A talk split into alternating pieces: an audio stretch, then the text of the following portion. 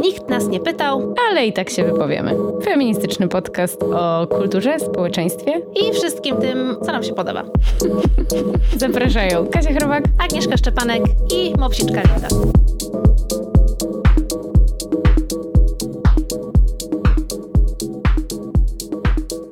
Halo, halo, dzień dobry, drogie słuchaczki, drodzy słuchacze i osoby słuchające.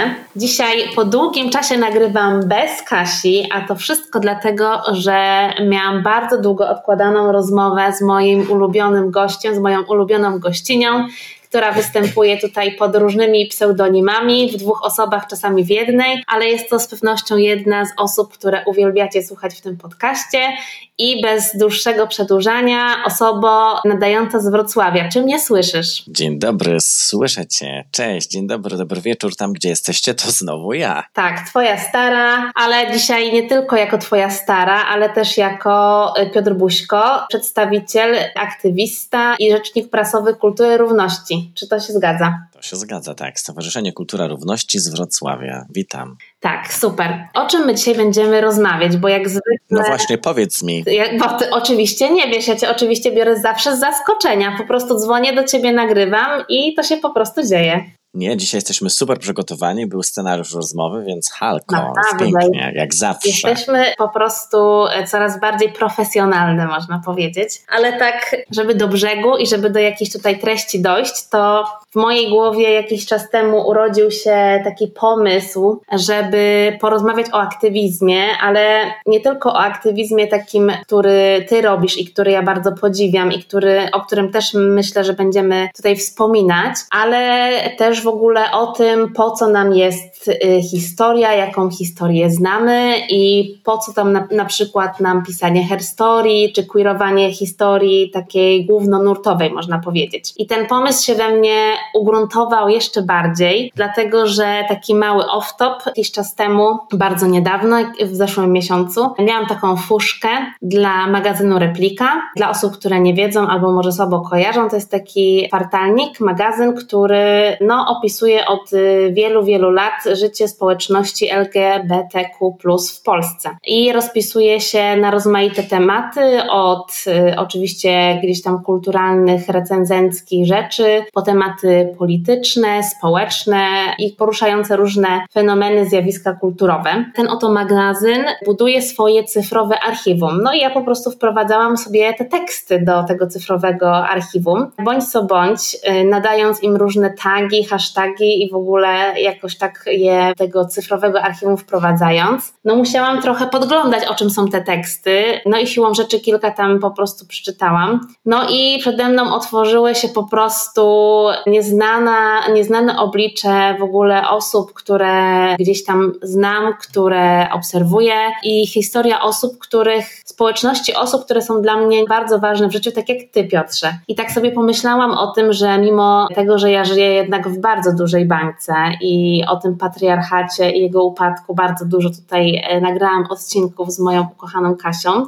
no to jednak, no wiadomo, nie da się tego rozszerzyć pewnie i jakby, wiesz, wyczerpać tematu na wszystkich polach. Tą swoją działalność gdzieś tam trzeba zawężać ale jednak bardzo mnie uderzyło, jak o wielu rzeczach ja nie wiem, mimo tego, że gdzieś tam uważam się za osobę dosyć świadomą, czy pogłębiającą tematy takie niegłównonurtowe, można by powiedzieć. I no, uderzyło mnie to, że no, i mamy jeszcze bardzo dużo do zrobienia i nie mamy pojęcia nawet o tym, co się działo u nas w Polsce, bo już nie mówiąc o tej takiej jakby szerszym kontekście osób queerowych żyjących w różnych społecznościach. Znamy tam jakieś hasła związane na przykład z hasłem Stonewall, ale i tak nie każdy potrafi powiedzieć, o co tak naprawdę chodziło w tych zamieszkach, kto je zaczął i tak dalej. Czy ty też masz takie poczucie, że tego, że to jest wciąż jakby za mało o tym mówimy, za mało yy, nawet osób ze społeczności zna swoją historię? Że to jest wciąż queer historia, historia, herstoria do opowiedzenia? No, myślę, że tak. I to też jest bardzo ciekawe, bo słuchaj, Aga, ja też jakby wielu rzeczy nie wiem ja nawet jeżeli jestem tutaj wgryziony i jakoś tak historycznie staram się na to spoglądać, dowiadywać się, rozumieć jakieś procesy, czytać książki na ten temat, to wciąż myślę, że jest wiele luk w jakimś takim, no właśnie, odkrywaniu tego z różnych powodów, bo niektóre po prostu się historie, queer historie nie zachowywały. ale też myślę, że co dla zawężenia pewnie naszej rozmowy będzie o tyle istotne, że po prostu będzie nas interesował pewnie ten zachodni krąg kulturowy, z którym my jesteśmy najbardziej związani, związane. Mhm. Ja na pewno osobiście, bo no, nie jestem w stanie opowiedzieć o queerowym ruchu, nie wiem, o, o emancypacji, o tym w ogóle, jak wygląda queerowa historia na przykład na Dalekim Wschodzie, mm -hmm. na przykład mhm. nie w Chinach, albo nie jestem w stanie w ogóle powiedzieć, jak, e, jak, jak, takie tematy, poza pewnie tymi, które są newsami teraz, mm -hmm. wyglądają na przykład w Afryce. Więc no a pewno będziemy tutaj rozmawiać e, dzisiaj o tym zachodnim kręgu kulturowym. No tak, ale wiadomo, że, że jest to też dla mnie jakiś punkt odniesienia, jeżeli chodzi w ogóle o kształtowanie jakiegoś mojego myślenia o feminizmie, że to jest jakieś takie po prostu trochę kalki, które przenosimy, nawet mówiąc o tych falach feminizmu i tak dalej. Dobrze byłoby to zaznaczyć, jakby w jakim kręgu się będziemy tutaj poruszać, ale dla mnie jest to o tyle, jakby to pytanie było e, jakby z tego porządku, czy to jest w ogóle temat, na przykład wśród Twoich queerowych przyjaciół, znajomych, ludzi, których spotykasz w stowarzyszeniu, że no, czy ta znajomość jakby właśnie tego, jakby kart historii związanych bezpośrednio z osobami queerowymi jest dla nich istotna? Czy oni poszukują takich informacji w ogóle? Wiesz co, myślę, że to jest bardzo różnie, bo tak jak e, i to pewnie będzie bardzo takie indywidualne, czy ktoś chce odnaleźć jakieś swoje korzenie. Mhm. E, te korzenie będą różne, bo na przykład myślę, że pewnie ja bym rozdzielał tę historię, tę queer story na jakieś takie dworze różne porządki, że z jednej strony mamy historię po prostu osób LGBT+, mhm.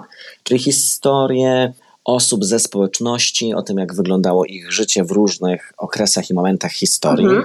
I mamy ten jakiś mityczny antyk, który coś też opowiadał o, o przede wszystkim męsko-męskiej miłości, ale mamy tą Safonę, do której się wszyscy odnosimy, do wyspy Lesbos, która zresztą no, funduje piękne słowo lesbijka. Więc mamy osoby, mamy istnienie po prostu osób ze społeczności. Mhm. No to jest jakby jedna pewnie sprawa, ale druga sprawa, e, która też moim zdaniem jest interesująca, no to już jest na przykład kwestia zwrócenia uwagi, tak jak ty mówisz o nurtach feminizmu, czyli pojawia się jakiś ruch emancypacyjny, czyli zwrócenie uwagi tak naprawdę jak w tym zachodnim kręgu wyglądają te wszystkie działania emancypacyjne na rzecz równouprawnienia, godności, dobrego życia e, osób LGBT. No bo samo, samo określenie LGBT czy LGBTQIA, LGBT, to też jest stosunkowo nowe nazywnictwo na na tą grupę społeczną, którą jesteśmy. Mhm. Wcześniej mówiono o nas pewnie trochę inaczej. Tak, ale do tego myślę dojdziemy w toku naszej y, rozmowy, bo żeby to jakoś tak ułożyć i usystematyzować, to oprócz tego, że no, na początku powiedziałam, czym się zajmujesz, że pracujesz w Stowarzyszeniu Kultura Równości, jesteś drag performerem, ale no, dla mnie chciałabym, żebyśmy opowiedzieli o tych jakby dwóch różnych aspektach Twojego życia bo o dragu już kiedyś mówiliśmy i oczywiście trochę do niego wrócimy, bo on jest myślę jakoś tutaj nierozerwalnie z tym związany, ale mnie bardziej interesuje to, o czym mi niejednokrotnie opowiadałeś, a co jest w ogóle dla mnie super istotne, żeby o tym opowiedzieć. Ta część Twojej pracy w kulturze równości, która jest związana z tym, że prowadzisz rozmaite warsztaty, szkolenia, które właśnie dotyczą właśnie queerowej historii. Chciałam Cię zapytać, dla kogo takie warsztaty prowadzisz i kto się zgłasza po takie warsztaty? Czy Wy macie taką ofertę e, jako stowarzyszenie, czy to jest coś po prostu, co po prostu było jakimś takim efektem kuli śniegowej, że prowadziliście je raz i zaczęły się zgłaszać jakieś kolejne osoby? Jak to w ogóle wygląda? Na pewno jest ten efekt kuli śnieżnej, ale żeby w ogóle tą pierwszą śnieżkę ulepić, to myślę, że to był ogrom pracy. Przede wszystkim ogrom pracy Ani Kubiak od nas ze stowarzyszenia, mhm. Która koordynuje działanie takiej sieci, którą prowadzimy. To jest sieć Proud at Work. I to jest sieć, która zrzesza osoby pracujące w korporacjach, mhm. w firmach we Wrocławiu, które są zaangażowane w sieci pracownicze. Tak jest tak zwane ERG, Employees and e, Employees Resource Group. Mhm. I w ramach tej swojej działalności w pracy zajmują się tematami różnorodności, tematem równości, albo też bezpośrednio i dosłownie tematem osób LGBT.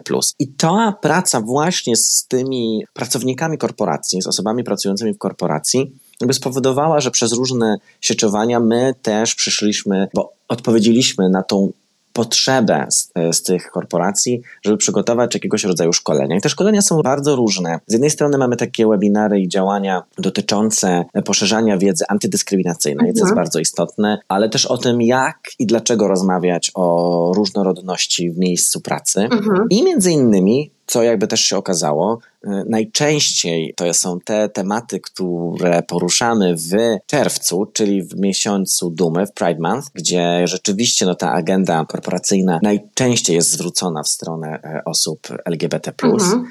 I Wtedy w czerwcu albo opowiadamy o tym, jak być dobrą osobą sojuszniczą mhm. w miejscu pracy, albo e, i nie tylko, też poza, i też włączyliśmy taki fragment i takie webinary właśnie o queer story, ale też o tym, co jest teraz w, w, w ruchu, ale też w kulturze, którą tworzą osoby LGBT, jest hot, jak to się mówi. Mhm. Więc to jakby idzie stąd. Więc tu była duża, duża praca e, Ani Kubiak do tego, żeby rzeczywiście w tych miejscach pracy potem się pojawić i prowadzić szkolenia czy inne warsztaty. Pewnie jest coś takiego, że jak się poprowadzi pierwszy taki warsztat o historii na przykład, co robiłem ja, to pojawia się to później jakaś taka satysfakcja, że rzeczywiście, kiedy się zaczyna tą swoją własną wiedzę, którą gdzieś się czerpie z różnych książek, strukturyzować. Mhm. No bo też nie ma na uniwersytecie, albo inaczej, ja, kiedy odbywałem swoją, zresztą w podobnym czasie razem z tobą, swoją edukację na uniwersytecie, no to nie było fakultetu o queerowej historii. No nie było jeszcze wtedy, ale było, o, zaczynały się wtedy te wszystkie fakultety genderowe i feministyczne. Nie? Tak, tak, tak, do których zresztą razem chodziliśmy i myślę, że to był na przykład dla mnie bardzo taki ważny moment, że ja wtedy mogłem z tego skorzystać, bo zacząłem rozumieć więcej i pewnie spoglądać na różne tematy inaczej niż do tej pory. Więc tak, ale czegoś takiego, co byłoby historycznie uwarunkowane a propos właśnie queer story, mhm. no to tego, tego nie było. No i potem to się gdzieś tam składa, zbiera przez te różne lektury, trochę polskich lektur, gdzieś tam jakieś zagraniczne, dużo też takiej intuicji w rozumieniu tego, jak powiązać ze sobą te różne punkty historii, no bo chyba nie ma albo ja się nie spotkałem. Gdzieś widziałem takie duże leksykony, lesbijki, geje i tak dalej, ale nie ma jakiejś takiej pewnie kompendium, kompendium wiedzy. I w tym wszystkim to się też bardzo pojawia dookoła tego tematu właśnie Pride'u, mhm. czym w ogóle jest Pride, ale też dlaczego w ogóle maszerujemy w czerwcu i o co chodzi. I myślę, że to jest takie często dobre pytanie, które jakby z tym takim haczykiem. Mhm. I bardzo mi się podoba to, co wy też tutaj w podcaście wielokrotnie u, u, u was mówiłyście, zwłaszcza przy takich wątkach historycznych, że kiedy e, twoja reprezentacja w historii jest mała, tak? Mhm. Mówi się tylko o jakichś wielkich kobietach w historii i jest to tak naprawdę jakiś ułamek, nie? Trochę tutaj jak Barbie, jak sobie pomyślimy o tym, jak wygląda historia, no to rzeczywiście ci e, kolesie na koniach, no. E, to jest jakby w ogóle to, nie? I potem jesteś na wakacjach, chodzisz sobie po tych wszystkich pięknych miejscach i widzisz kolesie na koniach. I wiesz, że to jest po prostu patriarchat, nie? I, i, I, nie widzisz siebie, nie widzisz osób podobnych do siebie, nie widzisz. I tak jak wy mówiłyście, no to jest taka po prostu wyciąganie, nie? I za tą jedną historią jest następna, za tą jedną e, osobą są następne. Więc to jest po prostu takie, no właśnie, odzyskiwanie, sięganie dalej po swoich ludzi. Mhm. A czy to jest wciąż jakby temat, że mimo tego, że marsze równości i parady to jest już w ogóle no coś, co ja mam jakieś takie poczucie, no jest jakimś stałym elementem nawet takiego polskiego krajobrazu, że ich po prostu jest e, już chyba kilkanaście w roku. Że, już kilkadziesiąt. Kilkadziesiąt, że maszerują kolejne miasta, że ta lista się powiększa. Czy to jest wciąż temat, żeby tłumaczyć, dlaczego ten miesiąc dumy jest taki ważny i po co idziemy? A myślę, że bardzo. Tak, tak, jak najbardziej. To jest dużo wciąż e, o co wam chodzi i tu pojawia się pewnie ten najbardziej wyświechtany argument, czy kontrargument, przeciwargument dla ruchu maszerującego, że to jest jakieś obnoszenie się, że tutaj się zjadą gdzieś dziwolągi, że to jest wszystko właśnie przeciw temu takiemu znormalizowaniu, mhm. że przecież normalni ludzie nie paradują, nie obnoszą się. No i można sobie pomyśleć, no oczywiście jakby wspaniale, tylko ta norma jest tak napisana i tak skrojona, że no, jakby nie włącza ogromnej rzeszy ludzi, nie? Ogromnej rzeszy ludzi mhm. ta norma nie włącza. I myślę, że to, co się dzieje w ruchu marszowym, to najwspanialsze jest pewnie to, że o ile ten ruch marszowy był takim ruchem queerowej niezgody i wciąż takim ruchem jest, to jednak staje się też takim ruchem, który bardzo mocno zbiera też osoby sojusznicze, mhm. czyli te osoby, które mówią, że my się po prostu nie zgadzamy na taki obraz świata. Wspieramy walkę osób LGBT o równe prawa, bo po prostu nie zgadzamy się na taki obraz świata. Nie chcemy, żeby te osoby, to jest tak brzydko mówię, te osoby, nie chcemy, żeby nasze bliskie nam mhm. osoby po prostu spotykały się z tym, z czym się spotykają, żeby to po prostu jakoś rozszczelnić i wpuścić więcej e, światła, prawa, równości w to, kim jesteśmy dla siebie w takich różnych poziomach, nie? No bo to jest mhm. i o tym, e, jak widzimy ludzi tak po prostu na co dzień, no ale też o tym z takiego już wysokiego C, tak, jakiejś legislacji czy czym, czy po prostu tym, w, w obrębie tego, co reguluje nasze życie. Mhm. No też po prostu chyba w związku z taką, wiesz, świadomością tego, że to my tworzymy te prawa, chociaż no dane związane z tym, kto będzie głosować, a kto nie będzie głosować na wchodzących wyborach wciąż przyprawiają o ból głowy, to wydaje mi się, że jednak y, te wszystkie kampanie, które teraz ruszyły, które bardziej zachęcają w ogóle do jakiejś takiej aktywności obywatelskiej, pokazują, że właśnie ten wybór, już nie pokazując kogo wybierasz, związany jest właśnie z tym, że masz wpływ, że jak milion kobiet powie, że mój głos się nie liczy, no to ten milion ma znaczenie, nie? I to jest jakby i tak dalej, i tak dalej, nie? Więc wydaje mi się, że to jest właśnie też chyba jakoś tak rośnie jakaś taka świadomość i takie poczucie, że te jakby już młodsze pokolenia jakby mają taką niezgodę na to, gdzie w ogóle i w jakim świecie chcą żyć i że to po prostu to, w jakie są, jest jakimś takim elementem norm normalnej codzienności, a nie tylko bycia w szafie. Nie wiem, miałam takie jakieś poczucie. No tak, na pewno. I też myślę, że to właśnie działanie profrekwencyjne, że to też jest jakiś po prostu taki aktywizm, mhm. nie? No bo to jest o tym, że jakby spoglądać nawet biorąc lekcje, tak, z tych wszystkich poprzednich ruchów emancypacyjnych, ruchu kobiet, na rzecz praw kobiet, ruchu na rzecz Afroamerykanów, e, równouprawnienie względem osób o innym kolorze, kolorze skóry niż białym. Jakby, że tam są lekcje, nie? I ta lekcja pokazuje, że naprawdę to trzeba wziąć sprawę we własne ręce i że to nie tylko jest to, jakby wybory to jest bardzo istotna rzecz, żeby być, mieć taką pełną świadomość, że ten mój wybór, że jak oddaję ten głos, to oddaję go na tę osobę, która właśnie w tym momencie jest najbliżej pewnie tego mhm. spełnienia tego mojego marzenia o lepszym życiu dla siebie i dla innych. I że ja nie wiem, jak, to jest pewnie już takie moje jakieś takie bardzo osobiste, że ja też trochę nie mam, jak, jak, patrzę na to i o ile mogę mówić, że o, kampania wyborcza jest cyniczna i tak dalej, że to mi się nie podoba, co się w niej dzieje, mhm. no tak jakby mój wybór, to, że ja go mam, to on jakby nie jest, jakby ja go, ja go nie traktuję cynicznie, nie? No Jasne. ja głosuję dlatego, że ja po prostu absolutnie wierzę w to, że mam wpływ i to jest jakby też fakt, nie? Ja po prostu ten wpływ mam. Tak. Ale muszę wykonać ten gest, nie? Muszę wykonać to, muszę jakby spełnić to moje prawo, żeby pójść, zagłosować. No i potem jest, jakby są kolejne jakieś poziomy pewnie zaangażowania, tak? Że trzeba sobie coś wymaszerować, że trzeba sobie coś jakby, że trzeba, też to się mówi tak, że to jest, że, że, że, że, że, że, że jakby się głosuje nogami, że się robi, że, że to jest w takim cały czas jakby spełnianiu się, że w tym ruchu. Mhm. Tak, no i ja mam taką jakąś jeszcze refleksję, że ta właśnie znajomość tej historii, her story, queer story, czy jakkolwiek będziemy to odmieniać, ale tego jakby co jest nam po prostu bliskie i czego po prostu nie ma w tym w tej historii, której nas nauczono, że nie, nie mówi, się, mówi się tylko o jakichś takich pojedynczych postaciach, a się okazuje, że no jakby to się wszystko zupełnie inaczej działo. To są tylko po prostu sposób uprawiania tej opowieści. Tak ja sobie pomyślę o tym, że te prawa wyborcze kobiet ma y, w Polsce to jest tylko 100 lat.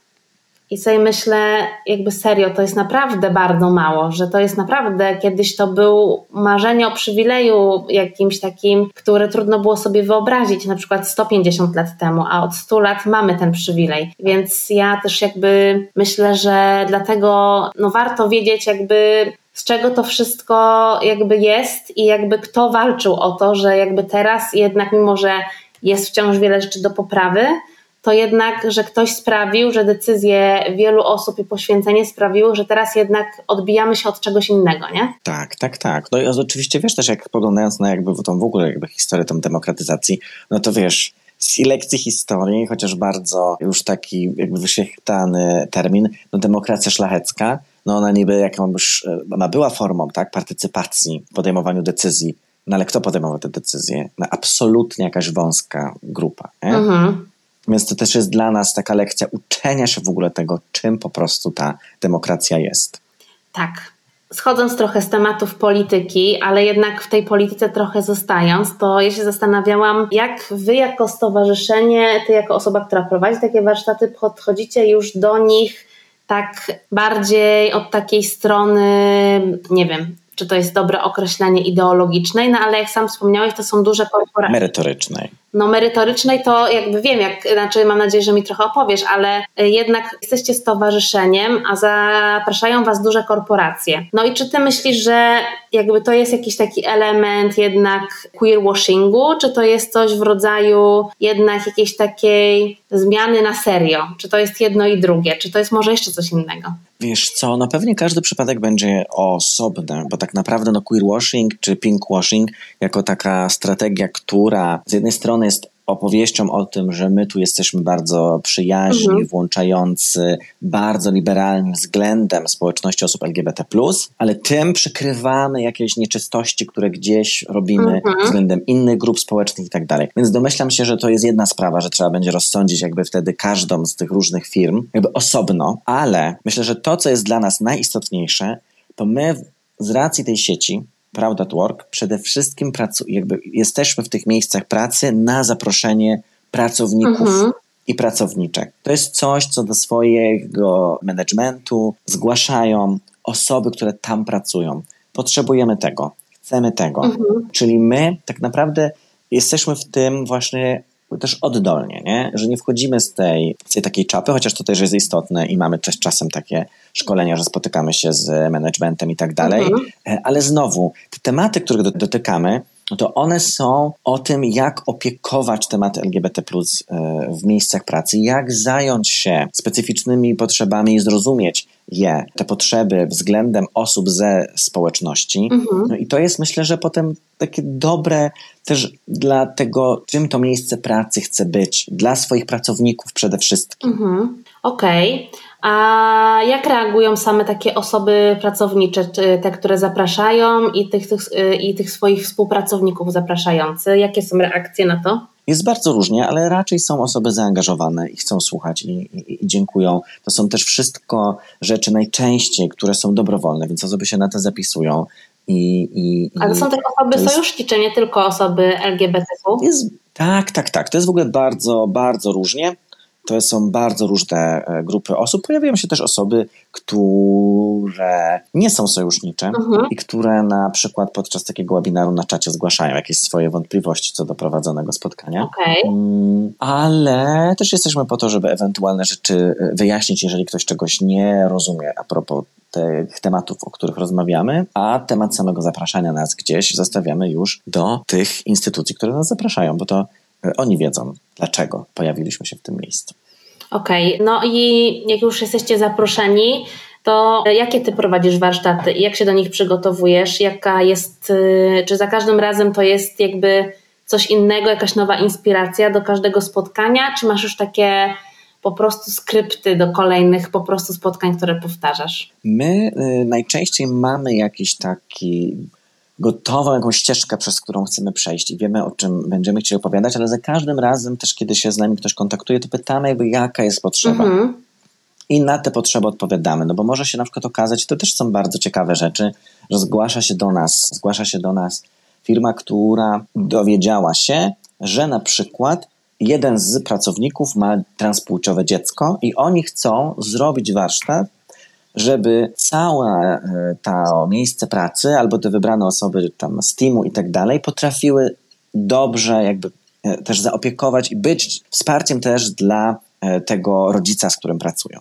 Super. Więc zdarzały się też takie sytuacje, więc naprawdę za każdym razem to jest osobne takie przyjrzenie się, jaka jest potrzeba w, w danym miejscu pracy. Oczywiście, że pewnie to, o czym mówimy, no to mamy to przygotowane, albo jeżeli są jakieś nowe tematy, które trzeba przygotować albo zaktualizować, no to siadamy do tego. I najczęściej jest tak, że też prowadzimy to w duecie, więc jestem y, ja z moim takim wkładem merytorycznym najczęściej, to czym ja się zajmuję, to są te de- e, rzeczy dotyczące społeczności, mhm. rozwijanie skrótu LGBT, tak zwane ABC LGBT, opowiedzenie o tym, jak w ogóle mówić o, o osobach ze społeczności, wyjaśnienie tych wszystkich pojęć, które dookoła osób ze społeczności się pojawiają. Mhm. Mamy też takie elementy o sytuacji społecznej osób LGBT, więc to też opowiadam o raportach. Mamy też takie segmenty o dobrym sojusznictwie i to też e, tym ja się zajmuję. E, no i właśnie te takie historyczno-kulturalne rzeczy, które też na tych e, szkoleniach mm, opowiadam. Mhm. A jeżeli są, i też często jest tak, że potrzebne w tych, na tych szkoleniach też opowiadamy o tym, dlaczego mówić o różnorodności w miejscu pracy, to te tematy najczęściej y, już przejmuje inna osoba trenerska, z którą jestem w duecie, która po prostu też śledzi to, dlatego że też miejsce pracy y, przyjazne, bezpieczne dla pracownika LGBT też jest jakby przebadane, więc to są osoby, które po prostu sprawdzają te wszystkie jakieś raporty Open for Business mhm. na przykład, te wszystkie jakieś dobre praktyki, które gdzieś się pojawiają, i więc to jest jakby jedna rzecz y, ale też jakby cała ta taka część antydyskryminacyjna, to też już przejmują osoby trenerskie, które mają jeżeli chodzi o, o działania antydyskryminacyjne, no to są po prostu przeszkolonymi trenerami w tym zakresie. Okej. Okay. A czy zdarzało Ci się, że prowadziłeś jakiś warsztat w dragu? Tak. Tak? Czyli twoja stara się pojawia na salonach? Absolutnie się pojawia e, stara i często jest tak, na przykład jak się już tam pojawiam e, któryś raz, czasem nawet jak nie jestem w dragu, to jak jest taki moment, że się przedstawiamy, to tam osoby piszą, o twoja stara coś tam, więc nawet jak nie jestem oto w drag, więc jest tak, że jest jakieś grono, które no, osoba typu sławna proszę Państwa. No nie, jakby, także wiecie, jakby, e, wiecie proszę Państwa, jak to jest. Ktoś, ktoś mnie zna, ktoś mnie nie zna. Ale E, tak, bo mamy też takie sytuacje i na przykład jest w ogóle, mamy webinar o draktywizmie, czy opowiadam o wtedy du, jakby dużo historii, opowiadam o tym, jak jak opowiadasz długo. To są tylko godzinne, więc rozmawiam tylko przez godzinę. Ale cały czas ty. Tak, ale staram się, żeby nie było to, że tylko ja. Są też e, takie elementy interaktywne, jakiegoś quizu, takiej próby złapania osób mhm. też, żeby byśmy spędzili i spędziły ten czas ze sobą dobrze. No dobrze, no to skoro ta scena się rozszerza i wchodzi też do korporacji, no to tutaj nie można nie wejść na temat tego, w jaki sposób ty robisz swój drag, bo oczywiście są też takie pojęcia, które krążą wokół twojej persony, jak draktywizm i no wiadomo, że stara to jest gaduła, która po prostu uczy te wszystkie swoje dzieci i musi je pouczać. No ale powiedz trochę więcej o tym, dlaczego ten aktywizm jest takim ważnym budulcem twojej postaci postaci dragowej? Czy to w ogóle było od początku w Twoim zamyśle, że to będzie stara, czy to po prostu wraz z byciem na scenie to się jakoś bardziej w Tobie uaktywniło? Ja myślę, że ja po prostu mam takie chyba poczucie, że ja jestem jednak takim społecznikiem po prostu. Mhm. Że ja, i myśląc o społeczniku, też mam na myśli taką osobą, która lubi się zrzeszać, która lubi być częścią grupy. Dla mnie w ogóle jakby te takie przynależności, tożsamości grupowe są istotne. Mhm. Poza tymi indywidualnymi, no to jakby te tożsamości grupowe są dla mnie ważne. Byłem przez lata harcerzem, też mam oso jestem osobą z doświadczeniem kościoła katolickiego w takim sensie, że po prostu bardzo wierzący i tak dalej. Mhm. Więc jakby to wszystko, co jest jakimś takim, no właśnie, społeczne, ma dla mnie duże znaczenie. No i więc ten aktywizm też traktuję po prostu jako takie działanie społeczne. To jest po prostu, myślę, bardzo ze mnie. I o ile gdzieś wchodząc jakby w drag, ja go zacząłem robić już jako osoba, e, która miała doświadczenie aktywistyczne, działając w kulturze równości, mhm. no to dla mnie starałem się zobaczyć, jakby co mogę, jakby może z tego, co już robię, gdzieś przenieść na, na te działania dragowe. No i dla mnie jakby ja też szybko zrozumiałem, że kiedy, że dostaję trochę inną platformę, że przez to, że jestem pomalowany, no cokolwiek może nie najpiękniej, ale jakby to jakby wtedy słuchają mnie bardziej, w takim sensie, że jakby tą uwagę skupiam inaczej. Mhm. I kiedy zacząłem roz, rozumieć, że po prostu skupiam jakąś uwagę, też zobaczyłem, że po prostu skupiam też jakąś społeczność. Mhm. Zacząłem też traktować i myśleć o swojej publiczności jako po prostu o jakimś elemencie społeczności. I zauważyłem, że po prostu drag jest doskonałym w ogóle też takim budulcem dla właśnie społeczności. Że jakby w tym dragu, to, że ty w ogóle jesteś w dragu, to jest jakieś niesamowite community building. Potem, jak zacząłem odkrywać tę historię, tego co w ogóle drag robił, czym w ogóle drag jest, no to odkryłem, że po prostu drag należy do społeczności, że on jest ze społeczności, że on oprócz tego, że jest tą moją fascynacją sztuką, kulturą, jest moją ekspresją, to z drugiej strony jest, jakby należy do społeczności, że on z niej pochodzi. Mhm. Więc to dla mnie jest jakąś taką naturalną też formą, przez to, że mam taką potrzebę y, bycia społecznikiem, ktoś inny pewnie powie kaznodzieją, to, to jakby łączę to. I też szybko zauważyłem po prostu, że jak odpaliłem nawet w 2017 roku, kiedy zacząłem dragować, paliłem tego swojego Instagrama i byłem taką królową, która gada, nawet była, będąc out of drag, ale u mnie można było po prostu zobaczyć gadanie. I o różnych rzeczach gadałem pierdoły, nie pierdoły. I to się jakoś po prostu przenosiło. Więc tu mam coś takiego, że, że myślę, że no, z jednej strony to jest bardzo naturalne, no ale to też trzeba się po prostu temu przyglądać. Bo można się czasem być sobą zbyt zachwyconym. Nie, nigdy się trzeba... z tym nie spotkałam. Jak to?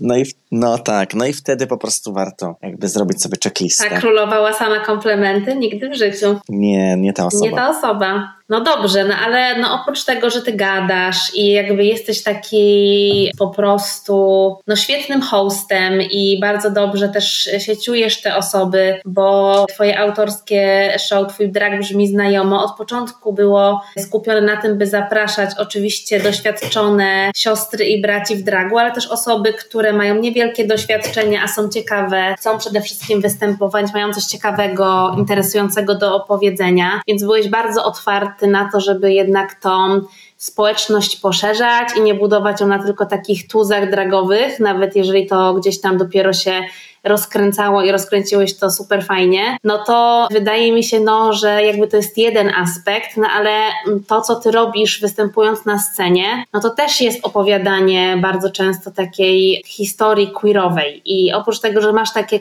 takie numery, które są totalnie rozrywkowe, no to są też takie, które no, są bardzo poruszające, które są bardzo przemyślane i które, którymi chcesz powiedzieć coś ważnego. No i może tutaj powiesz trochę o nich, chociaż trochę je widzieliśmy w serialu HBO. Bo nie tak, widział, głośno dumnie. To może koniecznie nadrobić, ale... O, cześć Linda. No, ja, ja, witam się z Lindą, A, tak, bo Linda, dawno nie słyszałem. Cześć. No to chciałam Cię zapytać o to, jakie takie wydarzenia z queerowych kart historii, które jak Ty ją poznawałeś, tak bardzo na Ciebie wpłynęły, które siedzą do, w Tobie do dzisiaj, które jakby wymagają też takiego przepracowania scenicznego, a może niejako nawet przepracowania w takim kontekście, e, bo to się zaraz kojarzy z jakąś taką traumą do przepracowania, chociaż myślę, że to też jest jakiś taki element, ale też z takim opowiedzeniem, czy też przefiltrowaniem tej hi historii przez siebie. To by się, jakby, o tym też mówiłem, ale to chętnie jakby opowiem znowu. No, mamy takie dwa numery, które dla mnie są jakieś takie najistotniejsze w takiej opowieści. Jeden to jest numer do piosenki, do coveru piosenki Eltona Johna Your Song w wykonaniu Lady Gagi, który dla mnie jest właśnie o takim wzrastaniu w dumie. Że jeżeli ja myślę o nas i w ogóle o dumie, no to ja często w trakcie Pride Month mówię o tym, że to, z czego jestem dumny, to to, że, że należę do tej społeczności i że z tej siły, która daje społeczność. Mhm. I wtedy też jakby opowiadam taki, to jest numer, który ja nazywam magicznym numerem, bo gdzieś z różnych elementów mojej garderoby wyczarowuję coraz większe flagi. Mhm. Zaczynając od takiej małej, nieśmiałej, do takiej ogromnej, która, czy, czy dużo większej, która, która właśnie jakby przykrywa mnie całego.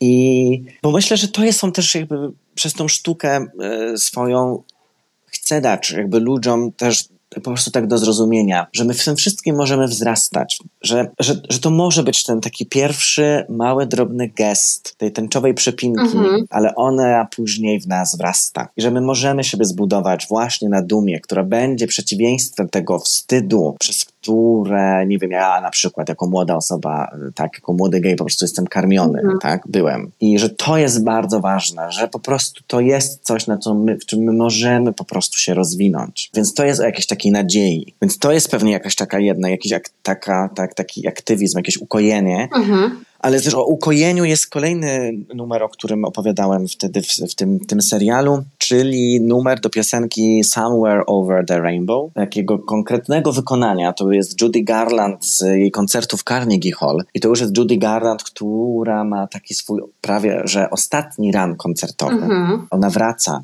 po dość długiej przerwie, jest już doświadczona życiem, to jej doświadczenie życiem upadków i wzlotów słychać w jej głosie, to uzależnienie, z którym się borykała, Więc mamy tą piękną piosenkę, która jest wciąż tak piękna, ale gdzieś jest taka złamana przez ten głos Judy Garland. Mhm. I to do mnie przyszło, w, jakby zrobienie tego numeru, przyszło do mnie wtedy, kiedy mm, będąc, e, pracując nad spektaklem w Wilnie, dowiedzieliśmy się i dowiedziałyśmy się o samobójczej śmierci e, transpłciowej osoby e, związaną z grupą Stonewall Milo. Taka, takie wydarzenie jest szokiem. Mhm. Ale za tym jednym szokiem poszedł następny szok, bo na most łazienkowski, na którym życie skończyła Milo, poszli żałobnicy grupa ludzi, którzy chcieli ją upamiętnić. Przynieśli dużą tęczową flagę która, taką tak zwaną sektorówkę, która jest noszona na marszach równości. To jest flaga, którą ma Stowarzyszenie Lambda Warszawa. Mhm. No i te osoby, ci żałobnicy na moście zostali napadnięci.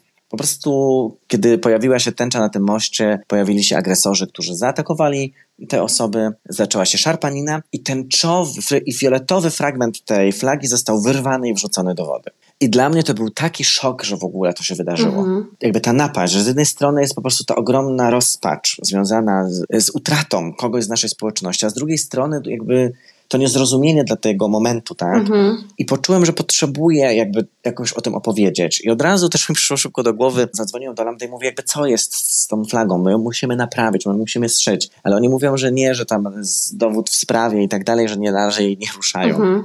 No więc przygotowałem numer o tym i ten numer jest bardzo prosty, tam się nie dzieje nic, jest tylko ta Judy Garland i tylko po prostu ten Somewhere Over the Rainbow i ten brakująca flaga, którą mam wpiętą w kapę, jako, taka, jako taki kwiat. I później okazuje się, że właśnie brakuje tego fioletowego fragmentu, ja go doszywam w trakcie numeru. To doszywanie też jest w ogóle, jakby w ogóle szycie jest takim kojącym gestem, tak? Strzywanie czegoś, co jest porwane, co straciło jakby swoją koherentność. Ale jednocześnie jakby to serce, które mam w kapie jest, jest sercem, które jest pomalowane w, we flagę osób transpłciowych. Ja też zszywam ze sobą te dwie flagi, mówiąc o tym, że no to są te losy, które będą szły zawsze obok siebie. No i to jest jakaś taka moja opowieść, którą pewnie snuję na, jakby w tym numerze, kto jakby, wiesz, wiesz, pozdro dla kumatych, kto wie o czym to jest, to wie o czym to jest, ale z drugiej strony, że jakby kiedy wyciągałem tę historię, no to wracała do mnie w ogóle ta, ta tęcza, ta Judy Garland i tak dalej i wróciła do mnie, że jakby to, to splecenie się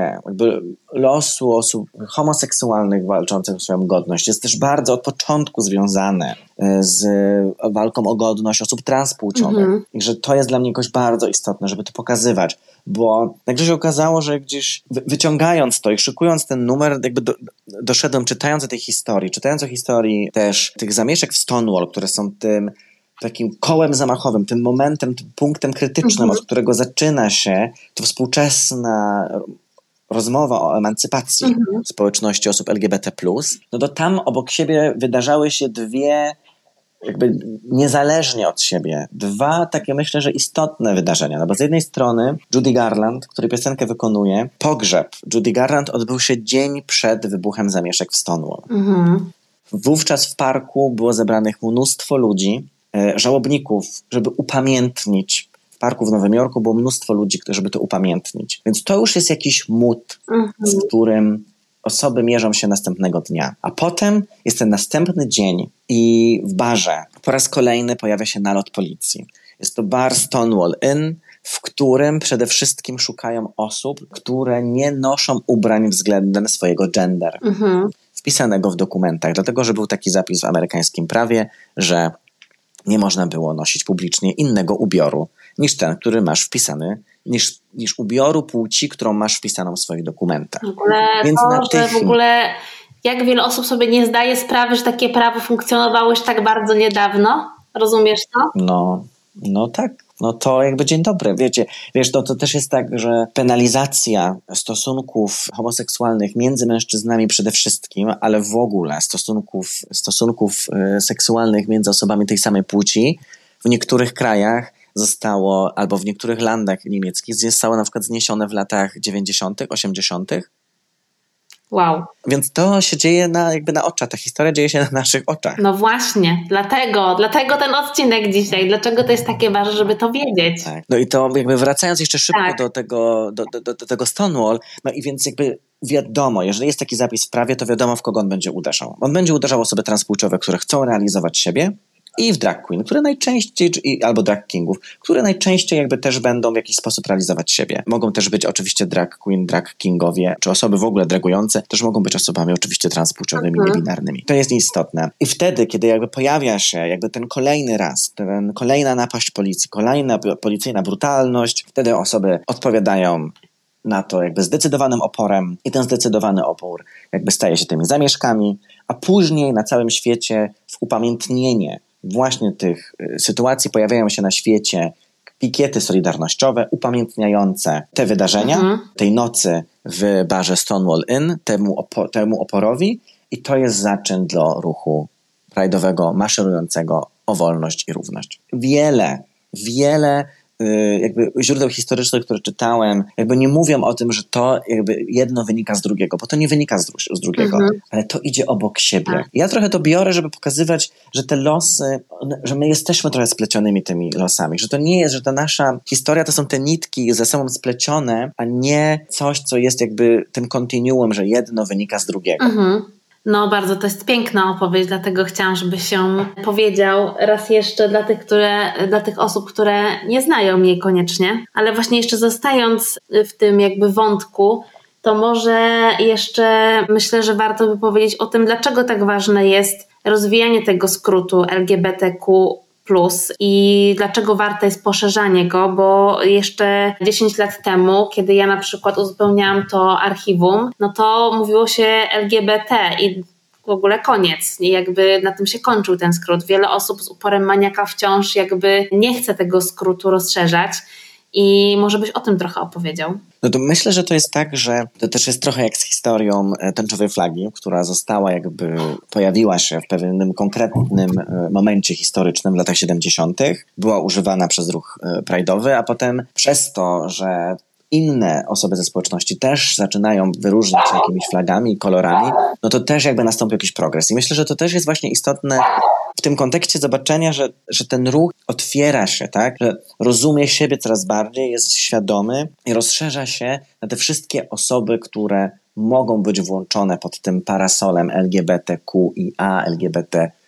Mhm. To, jaki ten akronim będzie, to jest jakby bardzo rozbudowane. Zresztą wcześniej też nie używano tego określenia, były osoby nieheteronormatywne albo osoby homoseksualne w zasadzie, mhm. biseksualne. Więc, więc to też jakby ulegało tym jakby pewnej zmianie. Ale myślę, że to też jest istotne z takiego punktu, że w sytuacji, kiedy no ten skrót, jakby to jest skrót, więc wiadomo, że jak mówimy skrót, no to wiadomo, że to jest jakaś już generalizacja i tak dalej. Że on jakby coś jakby wyraża tak na szybko. Mhm. Ale ja na przykład lubię, zwłaszcza jak prowadzę jakieś takie szkolenia, to ja na przykład też trochę na przekór y, tej ekonomii lubię też rozwinąć ten skrót. Mówić, że to są lesbijki, geje, osoby biseksualne, osoby transpłciowe, osoby interpłciowe, osoby o tożsamościach niebinarnych, o tożsamościach queer, osoby aseksualne, aromantyczne, genderqueer, osoby poliamoryczne, osoby panseksualne i jakby wiele innych które mogą się zawrzeć w tej społeczności, bo wydaje mi się, że to będzie jakby istotne, żeby nie widzieć litery, które będą trochę odseparowane, mhm. tylko widzieć, kim są osoby, których elementem tożsamości jest właśnie ta literka. No, tak. Nie powiedziałabym tego lepiej, ani inaczej. Więc przy takich opowieściach, kiedy się nagle słyszy, że próbują nam wmówić, że to są ludzie, ale to jest po prostu ideologia. Mhm. To jest cytat bezpośredni. No to ja będę z uporem maniaka pokazywał ludzki aspekt tego, kim jest LGBT, a nie czym jest LGBT.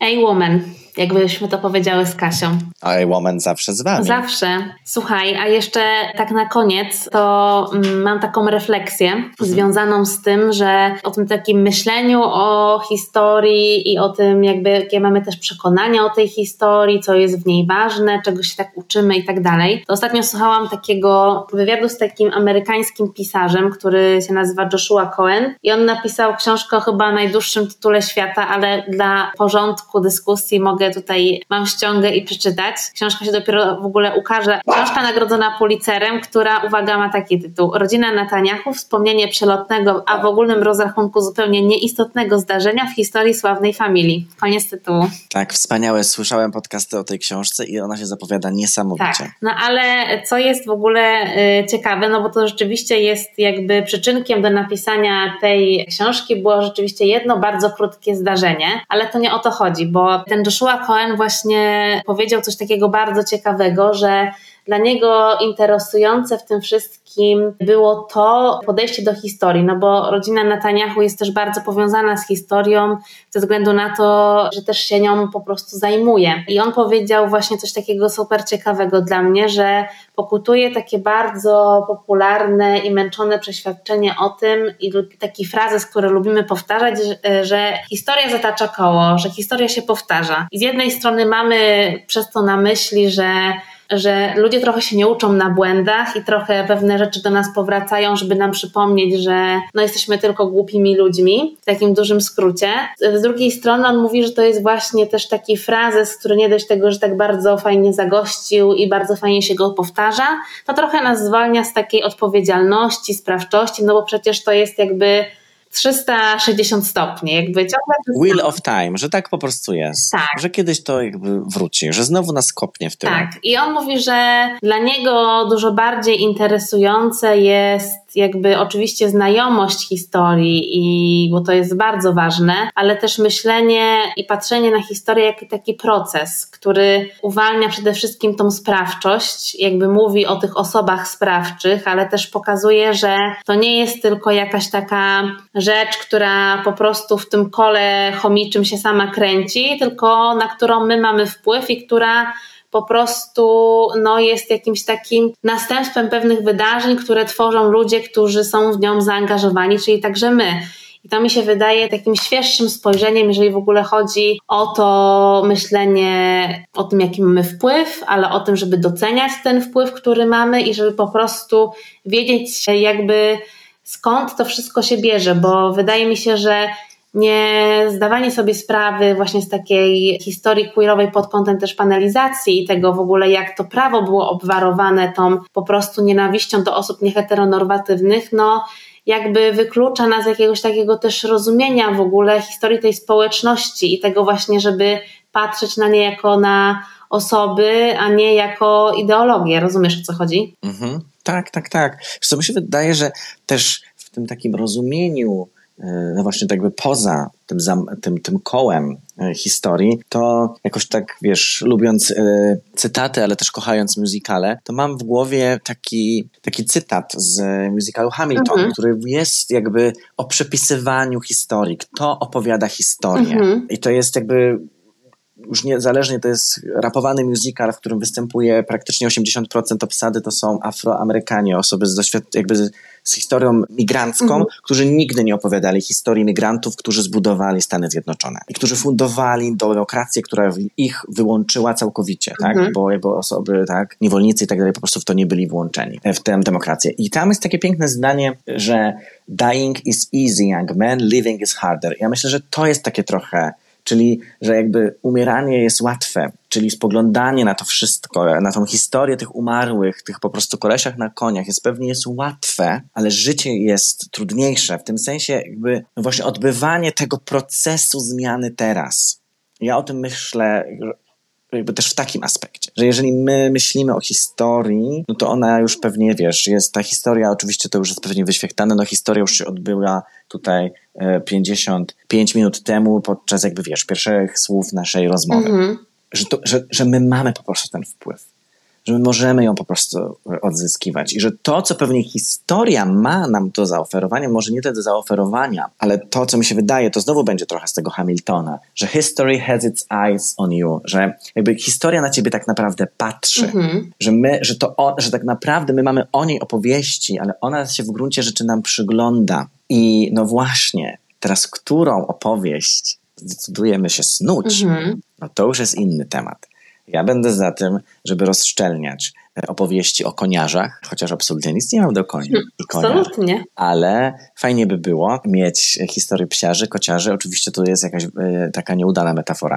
Po prostu, żebyśmy opowiadali bardzo różnorodne historie, bo ja jestem orędownikiem różnorodności. Teraz już jest kaznodzieja się No ale E, I wydaje mi się, że no musiał, oczywiście. I mi się po prostu wydaje, że też jakby różnorodność jest najbardziej faktycznym, jest jakby, jest, jest, jest jakby podstawowym faktem o jakby ludzkości, kropka. Dziękuję. Dziękuję, do widzenia. No to jakby skoro tutaj zapadła kropka, to ja już tutaj nawet jako hostka nie będę się wymądrzać. Ja się z tym totalnie zgadzam i myślę, że dobrnęliśmy właśnie do puenty tego, co ja chciałam, żeby w tym odcinku wybrzmiało. I mam nadzieję, że to zachęci Was do poszukiwania i do poznawania, czy to hair story feminizmu, czy to do różnych hair story, czy do queerowych, czy do właśnie takich na przykład w oryginalnym bardzo y, podaniu, jak w musicalu Hamilton. Generalnie puenta jest taka, ale różnorodność jest faktem i główny przekaz zawsze będzie bardzo podejrzany i to, z tą podejrzliwością należy na niego patrzeć i szukać tego, co, czego tam nie ma albo kogo tam nie słychać. No nawet Linda się z tym zgadza, No, więc myślę, że Linda ma zawsze jak najwięcej do powiedzenia, ale jej głos musi zostać usłyszany. Tak czy nie? Tak, tak, bo czek, jakby myślę, że słuchacze i słuchaczki, osoby słuchające po prostu zawsze czekają na e, głos Lindy, No. czy tam jakiekolwiek Na chrapnięcie. chrapnięcie, ale dzisiaj nie chrapnęła, więc dzisiaj tylko szczeka. No dobrze, to Piotrze, dziękuję Ci bardzo, że ponownie gościłeś w naszym podcaście i mam nadzieję, że jeszcze się usłyszymy w tym roku. Bardzo, bardzo dziękuję za zaproszenie. Dla mnie to jest zawsze największa przyjemność i przede wszystkim ogromne wyróżnienie, że zapraszacie mnie do tego podcastu, który ja bardzo szanuję, uwielbiam Waszą pracę, więc to jest dla mnie ogromna przyjemność móc mówić, rozmawiać z Tobą i być też dla Waszych osób słuchających. Więc bardzo, bardzo, bardzo, bardzo dziękuję. Super, to my dziękujemy i do usłyszenia. Buziaczki! Nikt nas nie pytał, ale i tak się wypowiemy. Feministyczny podcast o kulturze, społeczeństwie i wszystkim, co nas zainteresuje. Zapraszają Kasia Chrobak I Agnieszka Szczepanek. i Mowsieczka Linda. Tak, czasami. Producentem podcastu jest Estrada Poznańska. Wszystkie odcinki znajdziesz na estradapoznań.pl.